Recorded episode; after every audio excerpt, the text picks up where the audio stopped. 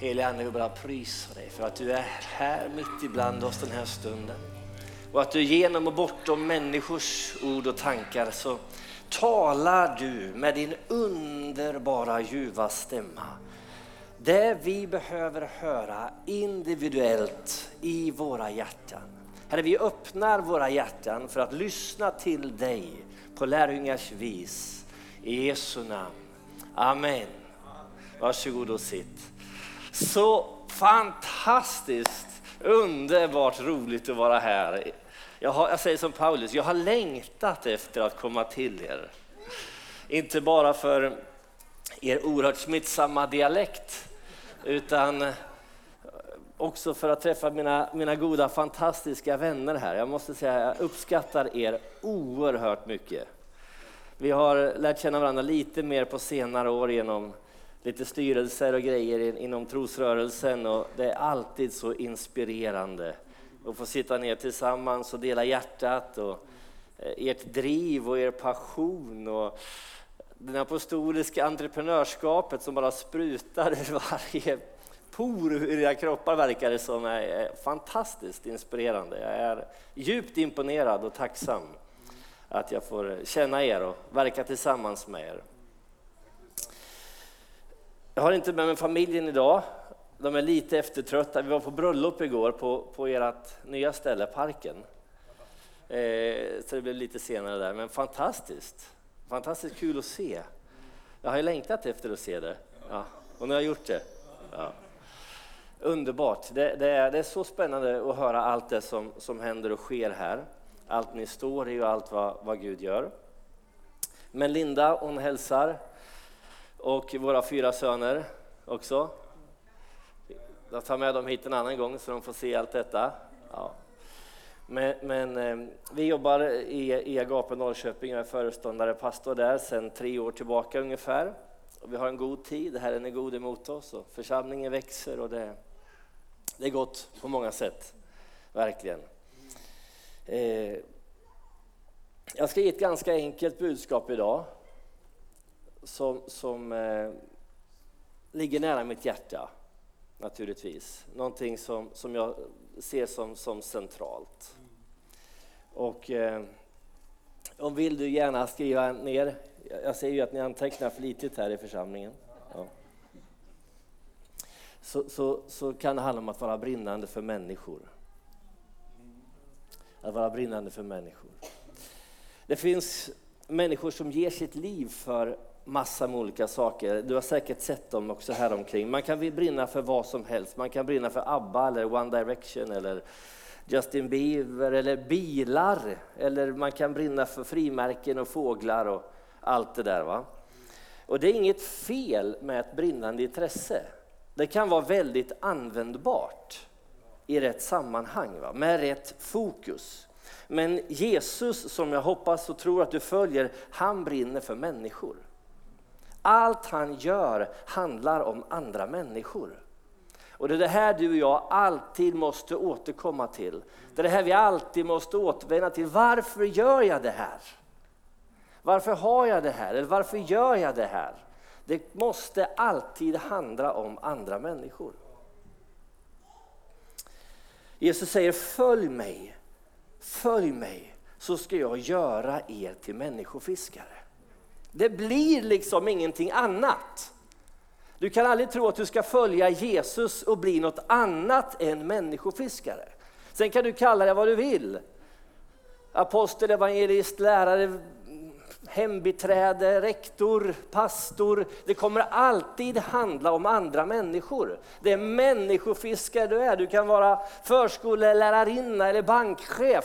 Det handlar inte om det, utan överrubriken, hu, heter det, huvudrubriken på varje visitkort måste vara människofiskare om man följer Jesus. Det andra är bara täckmantlar, det andra är bara underrubriker, men huvudrubriken är alltid människofiskare människofiskare. Alltid andra människor det handlar om. Det kan inte bli någonting annat om du följer Jesus. Därför han går alltid till andra människor. Allt han gör handlar om andra människor. Hela hans verk på jorden handlade om andra människor. Och när du följer Jesus så kommer ditt liv handla, inte om dig eller vem du är eller vad du har eller vad folk tycker om dig. Det kommer att handla om andra människor.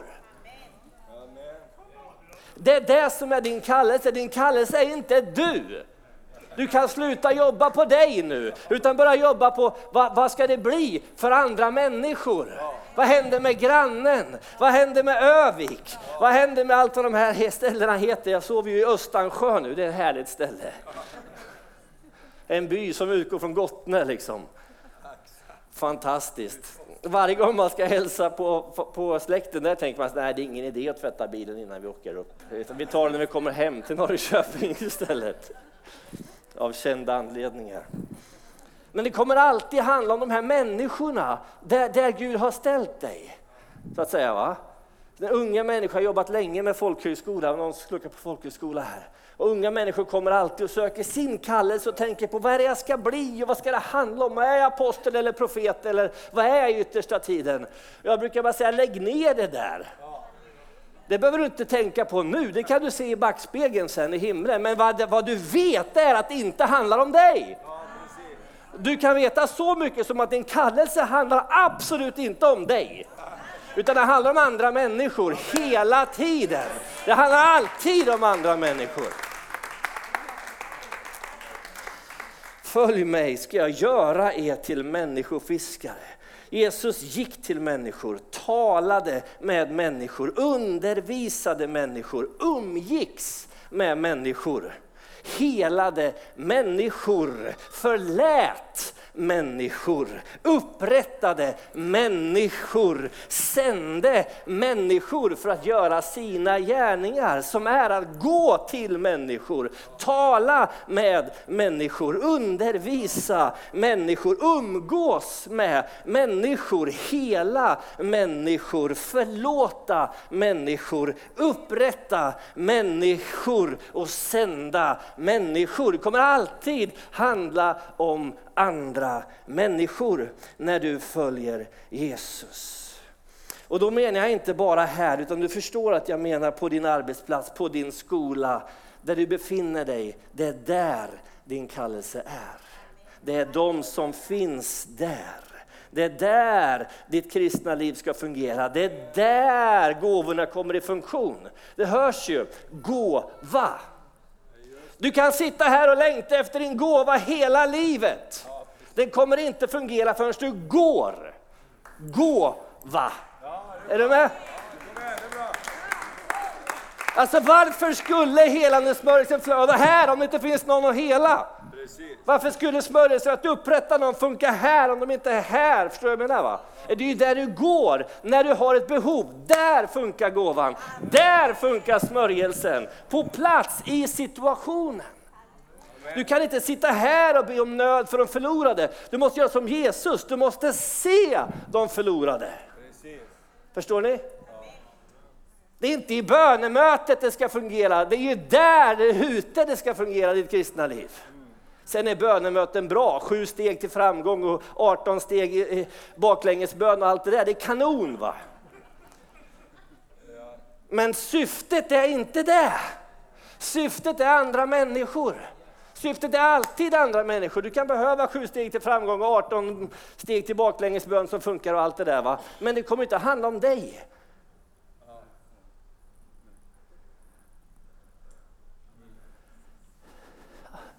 Men mig då? Lite jobbigt nu. Kommer ni ihåg den här gamla sången som, ja vem var det som sjöng den nu igen? Kan det ha varit Alfons Åberg kanske? Han sjöng så här tror jag. Alla de andra tänker på sig. Det är bara jag som tänker på mig. Men hördu, Du är ju som insatt i en kropp. Och den där kroppen, den tänker på dig. Eller hur? När varje led ger den stöd som den andra ska ha då, så till varandra på det här sättet, då fungerar det ju perfekt. Så i, i, min kyrka hemma har jag gett kyrkan en väldigt enkel vision som jag tror alla kan vid det här laget. Lev för andra. Lev för varandra. Gör vi bara det, då behöver vi aldrig oroa oss. Det finns alltid omkringliggande lemmar och leder som stöttar oss i vårt uppdrag att leva för andra. Är ni med? Så du behöver inte sjunga, om det nu var Alfons sånger, utan det fungerar bra ändå i kroppen. Men det är därför du ser hur viktigt det är, så underbart när unga människor säger jag vill vara del av en, av en kyrka. Jag vill vara del av kroppen. Jag ska ut och tjäna Gud, men jag måste vara del av kroppen. Jag behöver det stöd som lemmarna, som lederna ger när jag lever för andra. Det är så underbart. Det är precis så det är tänkt att fungera. Så där ser ni också vilken kvalitet ni behöver ha på förlåtelsen, kärleken, relationerna här för att det ska kunna fungera där. Är ni med? Men det är en annan predikan. Mm. Ty hans verk är vi. Efesierbrevet 2.10 som du känner igen. Skapade i Kristus Jesus till goda gärningar som Gud har förberett så att vi ska vandra i dem. Så underbart att det inte är goda gärningar som du ska producera. Eller hur? Inte goda gärningar som du ska göra. Det tänker man ju annars, eller hur? Goda gärningar, ja då ska jag göra goda gärningar här nu och skärpa till mig och greja och hålla på så här. Kan vi ta en helgelsehelg till först? Men det stod ju inte så. Det stod att du skulle inte göra, du skulle vandra i goda gärningar som Gud har förberett. Allt han behöver det är din lydnad, din förståelse av hur det egentligen är. Att det inte handlar om dig, det handlar om dem. Och när ditt fokus ligger där, helige ande, vad är det du vill göra här idag nu då? Vad, är det, vad, vad, vad, är det, vad behöver den här grannen egentligen för att komma närmare dig? Vad behöver arbetskollegan för tilltal idag egentligen? Vad, vad, kan det vara? Vad har du att säga helige Ande? Den här personen som sitter här borta framför Ica och är sjuk till exempel. Vad, vad har du att säga Herre? Är du med? Där funkar gåvan. Då finns det en möjlighet för smörjelsen att komma i funktion. Du behöver liksom inte sitta här och vänta på någonting. Förstår du? Du behöver bara gå. Du behöver bara förstå och gå.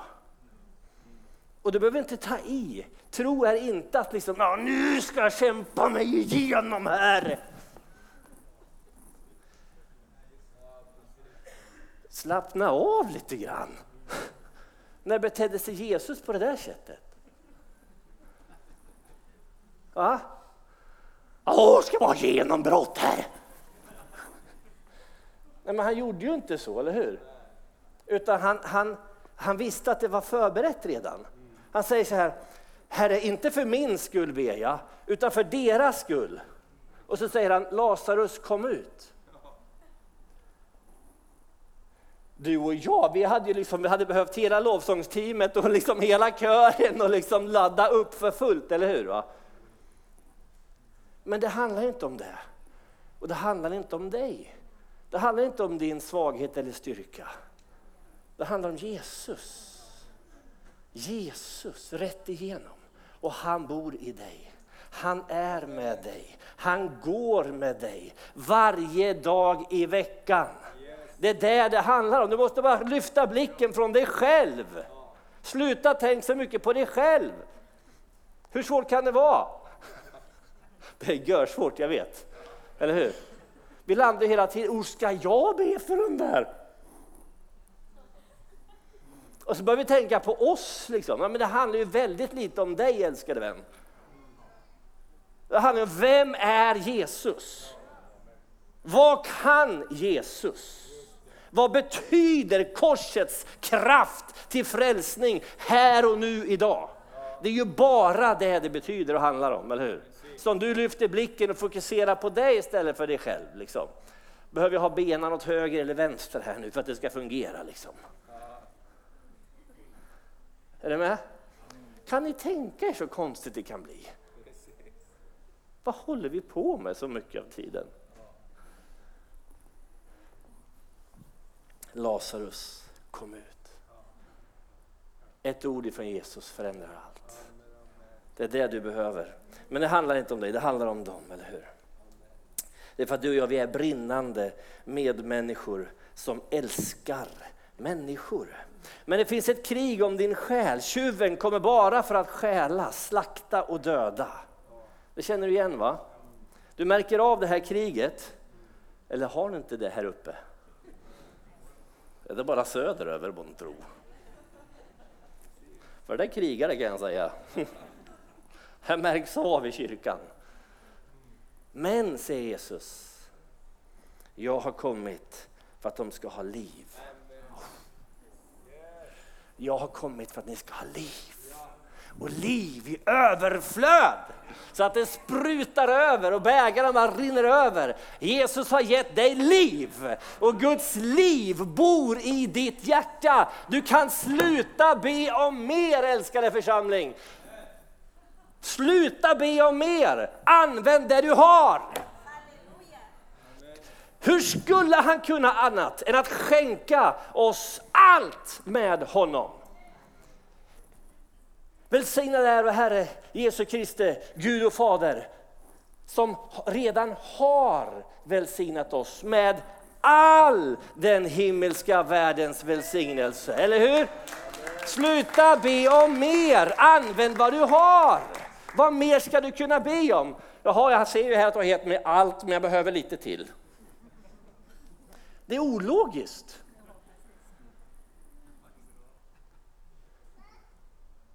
Utan be hellre då, Herre, jag ser här att du har gett mig allt.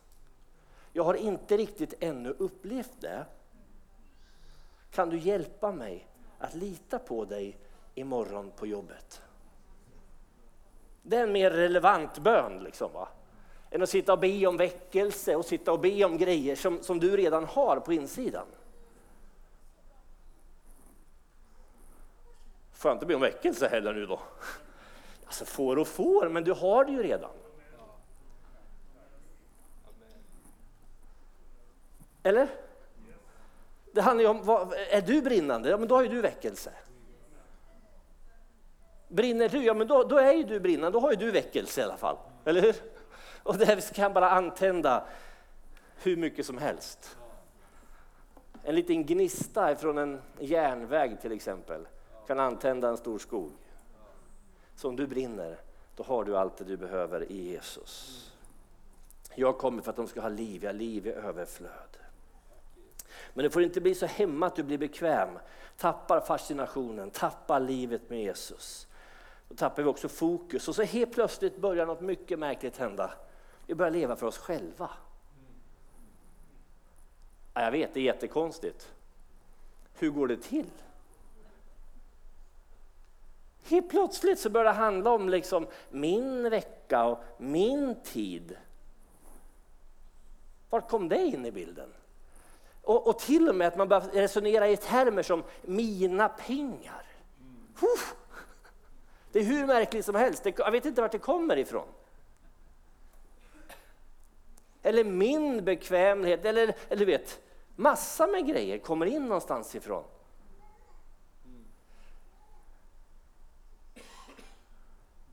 När det egentligen handlar om Jesus.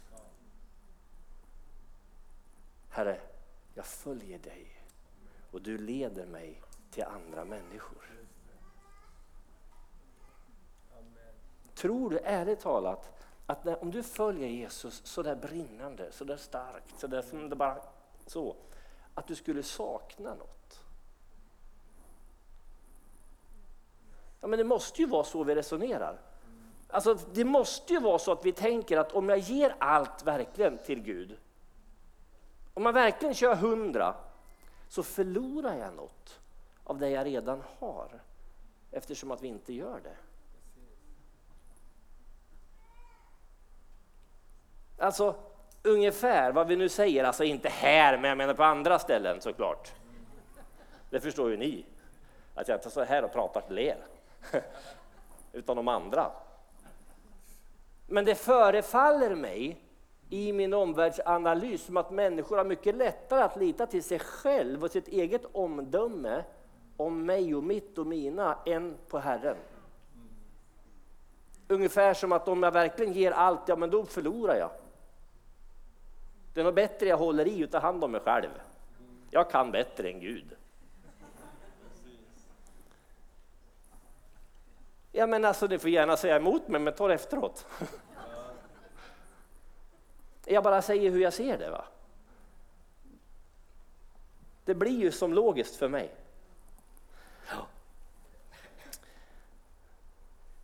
Men Romarbrevet kapitel 12, vers 11 står det så här. Var brinnande i anden. Alltså vi behöver inte sitta här i kyrkan med Guds händ din eld.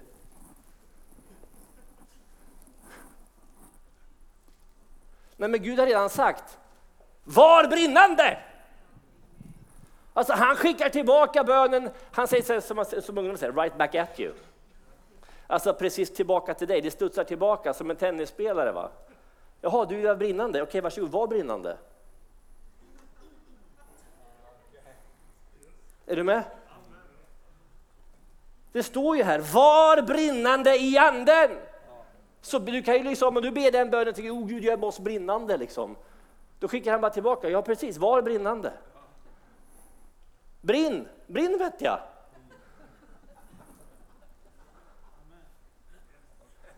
Det står ju här, var brinnande i anden. Hörde du David, jag skulle vara brinnande om det inte vore för församlingen. Då skulle jag brinna min sann. Om Thomas bara kunde vara lite mer eldig, då skulle jag brinna. Oh, vad jag skulle brinna. Men Guds ande säger, var brinnande! Hörru du David, du har inte sett min gumma, hon är det som... Eller gubben min, om han bara kunde vara lite mer helgad, då skulle jag brinna för Gud. Jag skulle vinna världen om det inte vore för gubben. Ursäkta mig, men det håller inte. För det står här, var brinnande! Och om du brinner lite mer där hemma så nu tar det väl förr eller senare tag i gubben eller gumman också. Eller hur? Om gubben eller gumman vaknar till bönebruset, om lovsången ljuder där i köket. Förr eller senare smittar det, eller hur? Hör du David, har du inte sett mina problem då? De är lite utöver det vanliga. Nej, inte det heller. Man kan, alltså känner man mig och min familj så vet man att vi har liksom inte, inte som liksom en räkmacka så här, utan det är som för alla andra. Eller hur? Det är sjukdom och det är lidande och det är allt möjligt. Det hade Paulus också. Och han är ju grym på sitt sätt. Han sa, tre gånger har jag pratat med Gud om det här. Hur många gånger har du och jag pratat om vårt lidande? Och vet du vad Gud svarar honom? Inte, ja men hörde du Paulus, det där ska jag ta hand om åt dig. Sorry, men det stod inte så. Det stod min nåd är dig nog. Amen. Tron är inte förmågan att komma runt alla problem. Tron är kraften att leva igenom. Amen.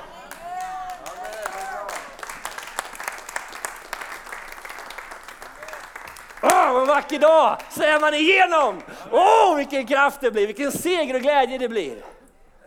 Vi får inte missuppfatta trosundervisning tro att det handlar om att glida undan allting så här.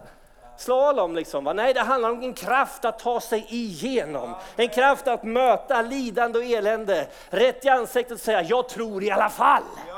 Därför att det handlar inte om vad jag gör eller producerar eller presenterar, det handlar om att jag litar. Som Sara, hon litade på honom som hade gett löftet. Och det är kraften som bär igenom allt. När frugan låg på operationsbordet i elva timmar och de plockade ut en del av hennes hjärna så här i vaket tillstånd. Här i höstas var det väl va? Hörni, jag var som inte så superladdad den dagen.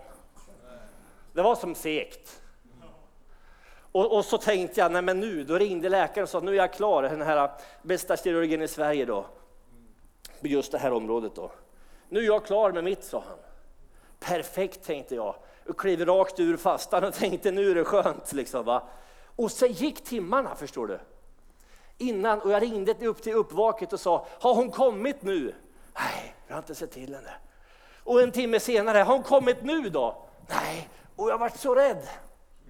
Har du bara blivit rädd någon gång? Och jag tänkte, något har tillstött. Nu har hon fått någon stor blödning och jag, jag klev ur fastan för tidigt, det är mitt fel.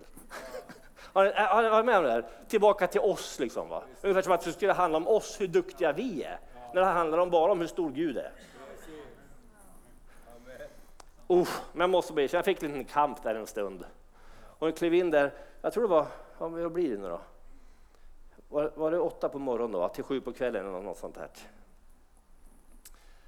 Och så när de äntligen, jag ringer vid, vid, vid sju igen på kvällen och säger, ja precis nu kom hon in. Hon är vaken. Vill du prata med henne? Kan ni tänka er den känslan? Huh.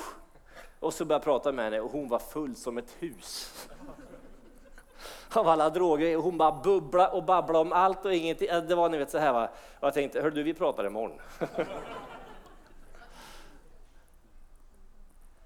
Så att jag är rätt övertygad om att de problem vi möter, det är sådana som, som vanligen möter människor. Eller hur? Och vad kan vi vara ändå? Vi kan välja att lita på Gud. Och vi kan välja att vara brinnande i anden.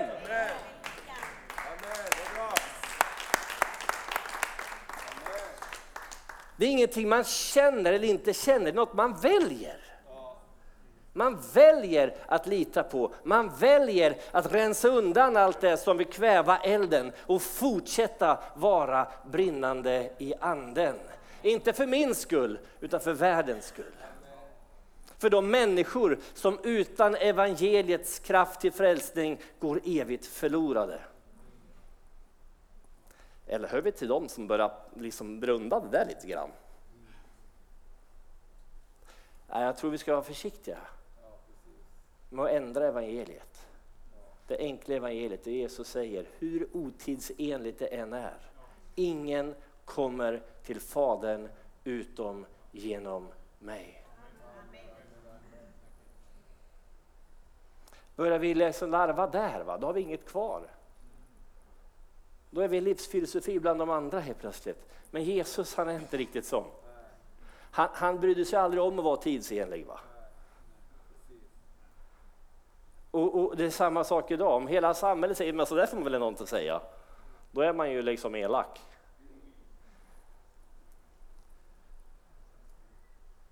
Så måste vi säga det i alla fall. Det är för Jesus sa det. Och det är honom vi följer. Så var brinnande i anden. Och du vet att det är världsliga bekymmer som vill växa upp i ditt liv och kväva elden, visst vet du det? Jesus talar om det i Markus 4, vi hinner inte gå igenom den texten här idag, men, men du vet att det står där, kanske, annars kan du läsa hemma. Det är världsliga bekymmer väldigt ofta som vill kväva elden, som vill kväva skörden, som vill kväva sådden, som vill liksom förstöra. Så är det ju. Det, det var fienden vill hålla på med, men jag har kommit för att ni ska ha liv och liv i överflöd, säger Jesus. Och det är så underbart. Och du kan idag välja att besluta dig för att ta bort det som vill kväva elden. Jag tror du vet precis vad som vill kväva elden i ditt liv. Om du bara sitter ner en stund med en helig ande och tittar, vad är, det som, vad är det som stjäl elden i mitt liv? Så tror jag nog att ni ska komma fram till det ni två. För bara brinnande i anden kan du nå din potential i Gud och med Gud. Bara brinnande i anden kan du leva fullheten av rikedomen i livet med Gud. Bara brinnande i anden kan du leva för andra människor, leva för andra för varandra. Och bara brinnande i anden kan du älska medmänniskan praktiskt så att det märks och känns. Vi går till den texten i Lukas 19. Du tänkte det kom aldrig någon text den här predikan. Jo, men nu har jag gjort inledningen, hörde så det. Nu går vi till texten.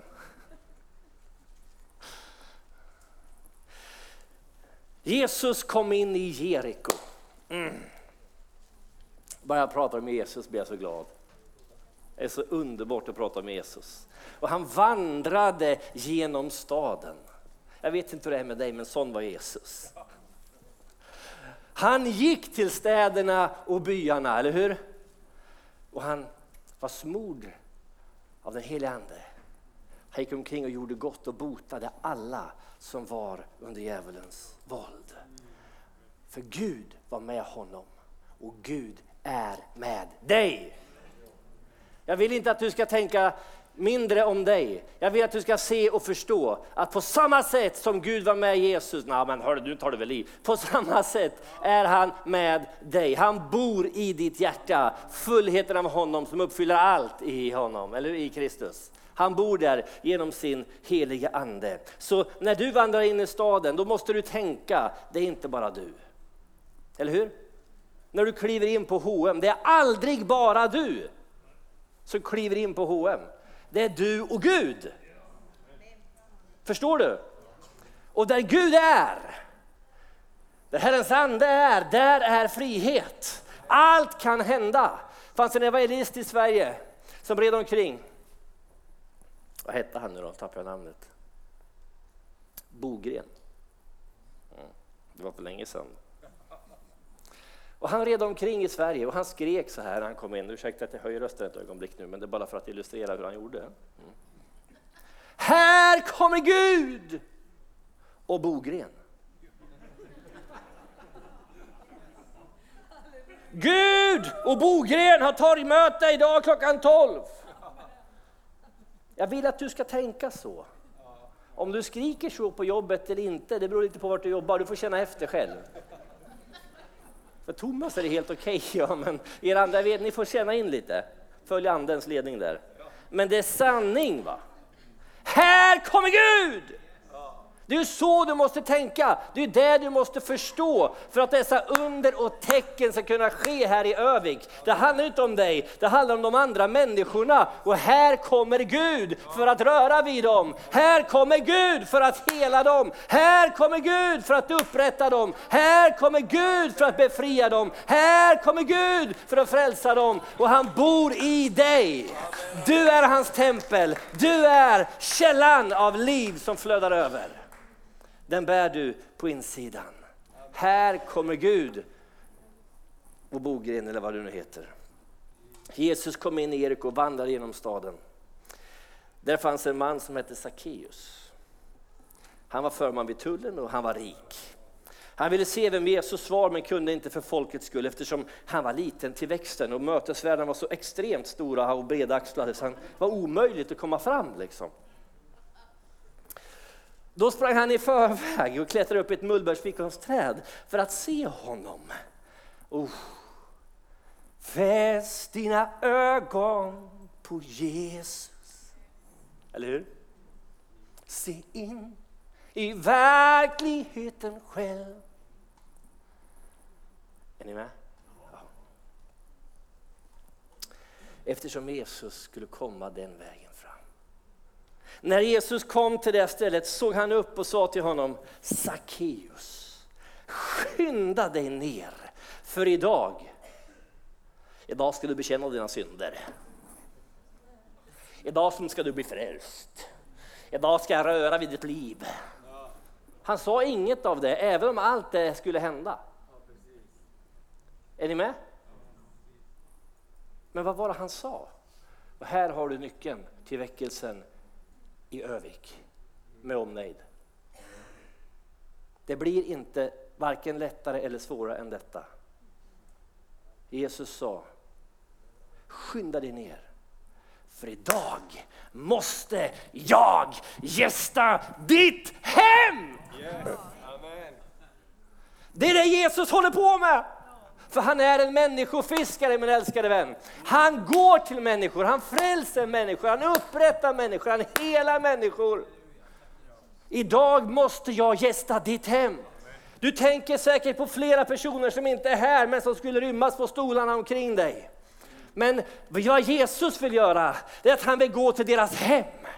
Han vill gästa deras hem. Han vill sitta i deras soffa. Han vill sitta vid deras köksbord. Där vill han hela dem. Där vill han upprätta dem. Där vill han frälsa dem. Och när ni har blivit bästisar, då kommer de vilja följa med dig hit för att bara dundra om det. Eller hur? Därför att det här är ju världens bästa människor att vara med. Det här är ju världens underbaraste gemenskap. Hur skulle jag inte vilja vara med här? Men varför ska de idag ge upp allt de känner till? Allt de har, allt de kan. För att få det du har. Det måste vara på riktigt. Det måste vara äkta. Det måste vara Guds kraft till frälsning för var och en som tror. Och de måste se att du är sann. Det är på riktigt. Eller hur? Idag måste jag gästa ditt hem. Och jag bara hör ifrån himmelen hur Jesus är densamme igår och idag och i evighet. Och idag säger han till människorna i Övik, idag måste jag få gästa ditt hem. Och jag har en kropp som jag vill göra det igenom, säger Jesus. Jag vill genom min kropp gästa ditt hem, Sackeus.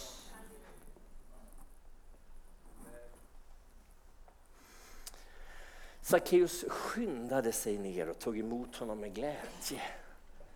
Alla som såg det mumlade förargat. Hörde han tog in oss som syndare. Men Sackeus stod där och sa till Herren, alltså det här är ju så märkligt. Det krävdes ingen överlåtelse predikan, det krävdes inget fantastiskt vittnesbörd, det krävdes liksom bara ett möte med Jesus. Jesus sa ingenting om hans ekonomi. Jesus sa ingenting om vad han hade gjort eller inte gjort, eller hur? Men Guds ande. Du och jag bär på Guds ande.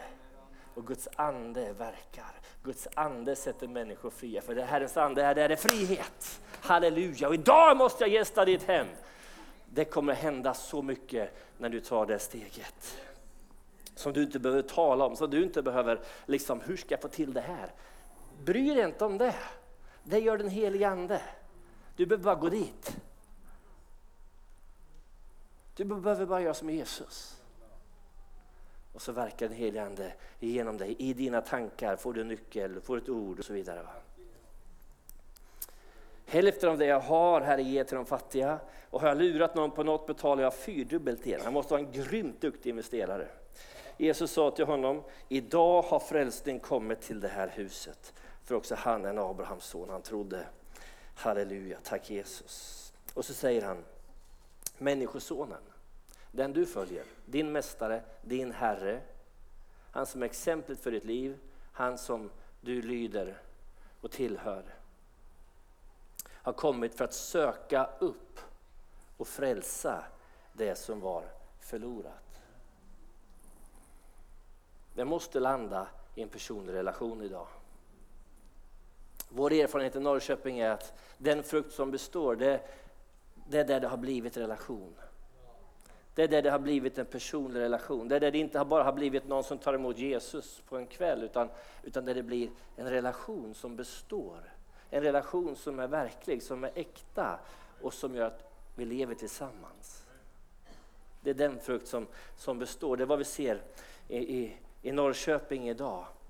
När vi rör oss ut. Just, just idag så har vi gudstjänst klockan 17 och vi kallar det inte för gudstjänst, vi kallar det för familjefest i Klockartorpet. Förra sommaren delade vi ut 1500 biblar och barnbiblar, 3000 böcker i det här området. Ett ruffigt område, de eldar bilar och håller på. Mycket kriminalitet. Några av, av mina bröder i kyrkan de sa vi, vi förlägger vår lifegrupp, eller kanske säger hemgrupp eller cellgrupp, jag vet inte. Där. Så de fick tillgång till ett litet café som var på nedläggningen. Liksom. Och så mötte de de här ungdomarna, de här värstingarna, riktigt tuffa killar med tillhörande flickgrupp såklart, eh, kommer in där. Och utanför kan det vara fullt pådrag och polisbilar och 30-tal vakter och ja, du vet hela kittet. va. Så en liten glasvägg och där inne är Guds ande. Och det är liksom inte, då är det inte så här, oh, det var några, vi skickade ner de häftigaste ungdomarna. Nej, vi skickade ner bröderna. 50-60 lite plus där. Och de tog med sig sin gitarr liksom. Och de sjöng sina sånger. Och de kände sig som pappor för de här pojkarna. Vi känner oss som pappor för de här pojkarna, sa de. Och det blev relation. Och sen när vi förra sommaren gick ut i Klockartorpet där de hänger och började liksom sjunga så, så visste vi att det var en sång ungdomarna särskilt tyckte om. En sång de särskilt älskade. Håll i det nu, nu blir det tufft. Det var inte någon av de häftiga nya sångerna. För, för de, de kör inte de här bröderna jag pratar om. Utan det var den här sången. Mer kärlek, mer kraft, mer av dig i mitt liv. Kommer ni ihåg den? Kan jag tänka ett gäng, jag sneglade bakom, för de stod bakom, liksom, vi hade som en liten scen nästan, fast bara på gräsmattan så här va. Och de vågade inte stå framför såklart, men jag sneglade bakåt och såg det här gänget värstingar. Och när jag bad Linda, frun då, leda den här sången, och jag ser, det kanske var tio stycken, jag ser de här ungdomarna, de här värstingarna, stå där och sjunga med i Mer kärlek. Det är precis vad de behöver. Mer kraft, det vill de ha mer av dig i mitt liv. Men de vet ingenting om kyrkan.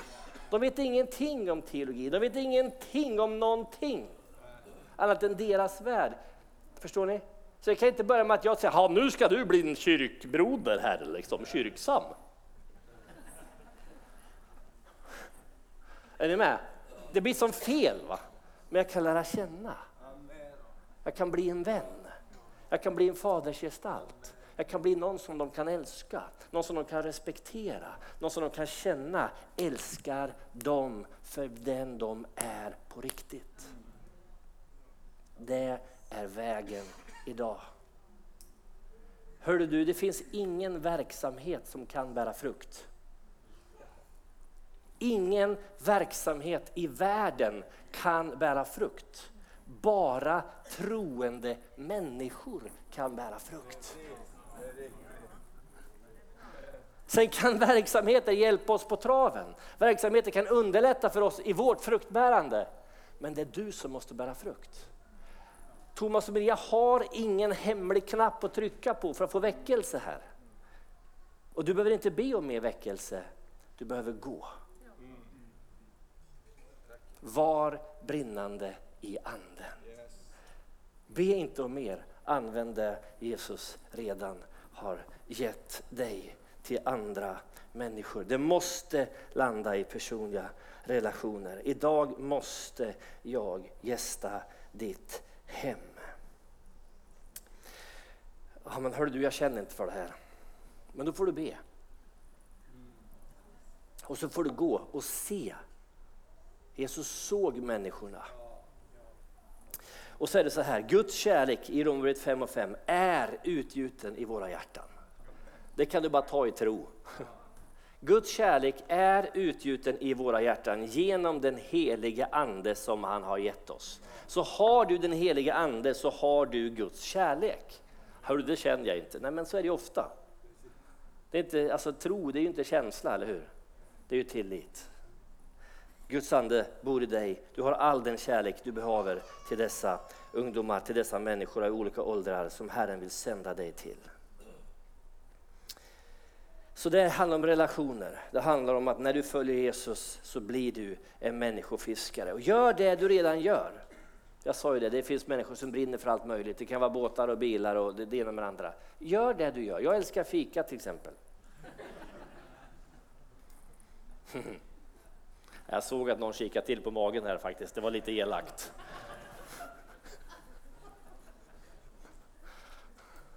Jag är fortfarande avlång i alla fall. Ja. För vi får se hur länge. Nej men då, om jag nu älskar fika, eller om jag älskar att åka båt, vi har en liten båt vi far omkring med, den åtta meter, det ryms några till. Ja men då, gör det du redan gör, men tillsammans med någon annan. Det behöver inte bli så mycket extra. Oh, nu måste jag sluta med allt, bara gå omkring här och gå, som Jesus i Eriko. Nej men det var inte det jag sa va. Men du behöver göra det med ett syfte. Gör det du redan gör, men med ett syfte med ett fokus. Det, är inte, det handlar inte om dig, din båt eller ditt fika, det handlar om någon annan. Gör det du redan gör, men tillsammans med någon annan. Brinn för människor. Helige Ande, vi bara prisar och tackar dig för ditt ord till oss idag, Herre. Och vi vill som Maria bevara och begrunda det i våra hjärtan, det som du har talat till oss. Och helige Ande, vi vill att det ska landa, inte bara i en, i en predikan som vi blåser igenom våra, våra sinnen, Herre, utan vi vill att det ska landa i en överlåtelse till dig, Herre. En förståelse av vem du är och vad du gör i Övik med omnejd idag, Herre. Och att vi, Herre, som dina efterföljare får följa dig och göra det som du gör, Herre. Inte ägna oss åt något annat än det du är intresserad av, Herre. Utan jag bara ber, helige Ande, att du bara präntar in detta i våra hjärtan på ett härligt sätt. Så att det blir någonting som förändrar våra liv och förändrar församlingen och förändrar Övik. I Jesu Kristi Nazarens namn. Amen. Då får ni ta det här vidare älskade syskon och göra som ni brukar göra i den här kyrkan.